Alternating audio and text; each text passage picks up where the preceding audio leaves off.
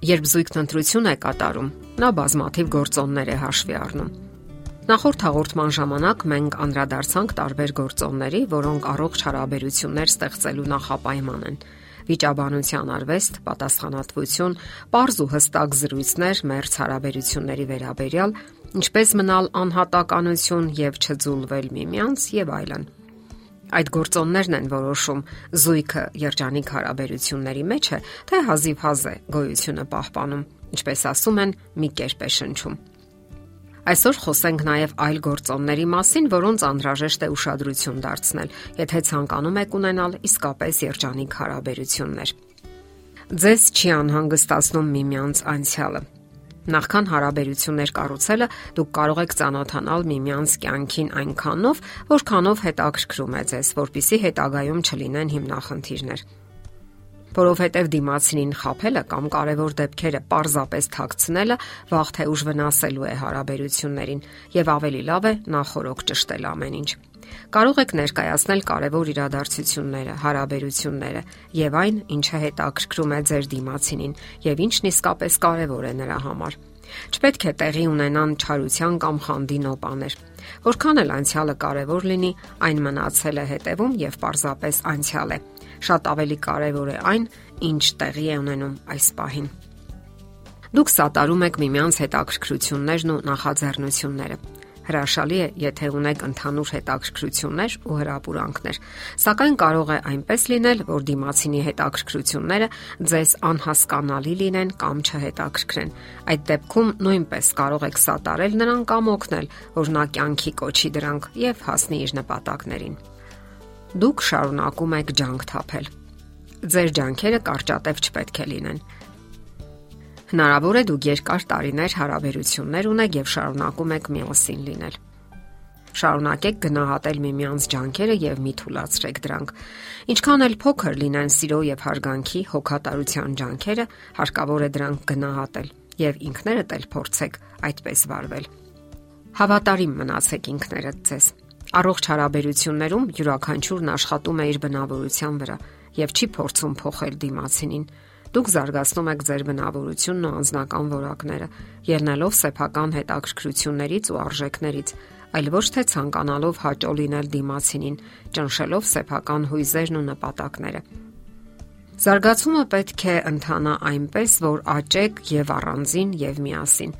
Երջանիկ եւ առողջ զույգը ներդաշնակ զարգացնում է հարաբերությունների որակը, մնալով թե որպես անհատականություն եւ թե որպես թիմի մասնիկ սեփական անհատականությամբ եւ ուժեղ կողմերով։ Ասենք որ առողջ կարող են լինել միայն անկաշկանդ հարաբերությունները Այսպիսի հարաբերություններն աչքի են ընկնում թե փոխադարձ հարգանքով ու զսպվածությամբ, թե թեթևությամբ, երբ կողմերը չեն լարվում միմյանցից, ազատ են եւ թույլ են տալիս կատակների որոշակի մակարդակ։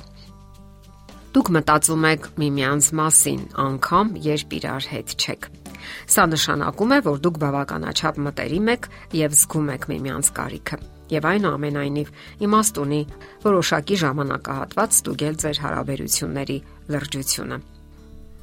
Երջանիկ հարաբերությունների մասին է խոսում նաև այն փաստը, որ դուք ցանկություն ունեք փոփոխություններ կատարելու ձեր բնավորության եւ այն սովորությունների մեջ, որոնք դուր չեն գալիս թե ձեզ, թե ձեր դիմացինին։ Ընդ որում դուք կարող եք նաև նկատել, որ ձեր դիմացինը նույնպես գնում է փոփոխությունների եւ բարելավումների, անելով իրենից կախվածը։ Հարաբերությունների խորանալու մասին է խոսում այն փաստը, որ դուք ունենում եք սիրո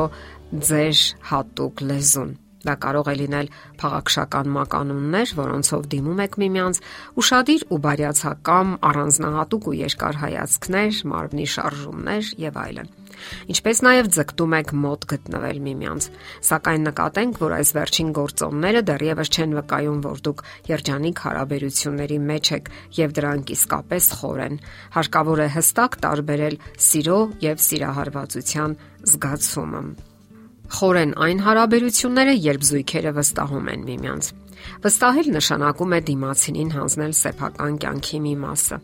Երբ դուք վստահում եք, որոշակի իմաստով հայտնվում եք անպաշտպան վիճակում։ Դիմացինին հայտնի են ձեր թույլ կողմերը եւ վտանգ կա, որ նա կարող է չարաշահել ձեր վստահությունը։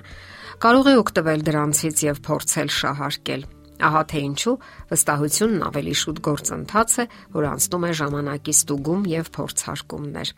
Հենց այնպես կարիք չկա վստահել դիմացինին, քանի դեռ բավականաչափ չեք շփվել եւ չեք ճանաչել միմյանց։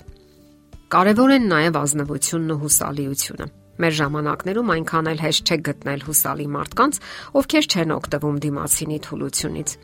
Գնահատելի որակ է նաև ազնվությունը։ Այն պետք է լինի երկուստեք եւ հարաբերությունները չպետք է նմանվեն բարդ ստուգումների։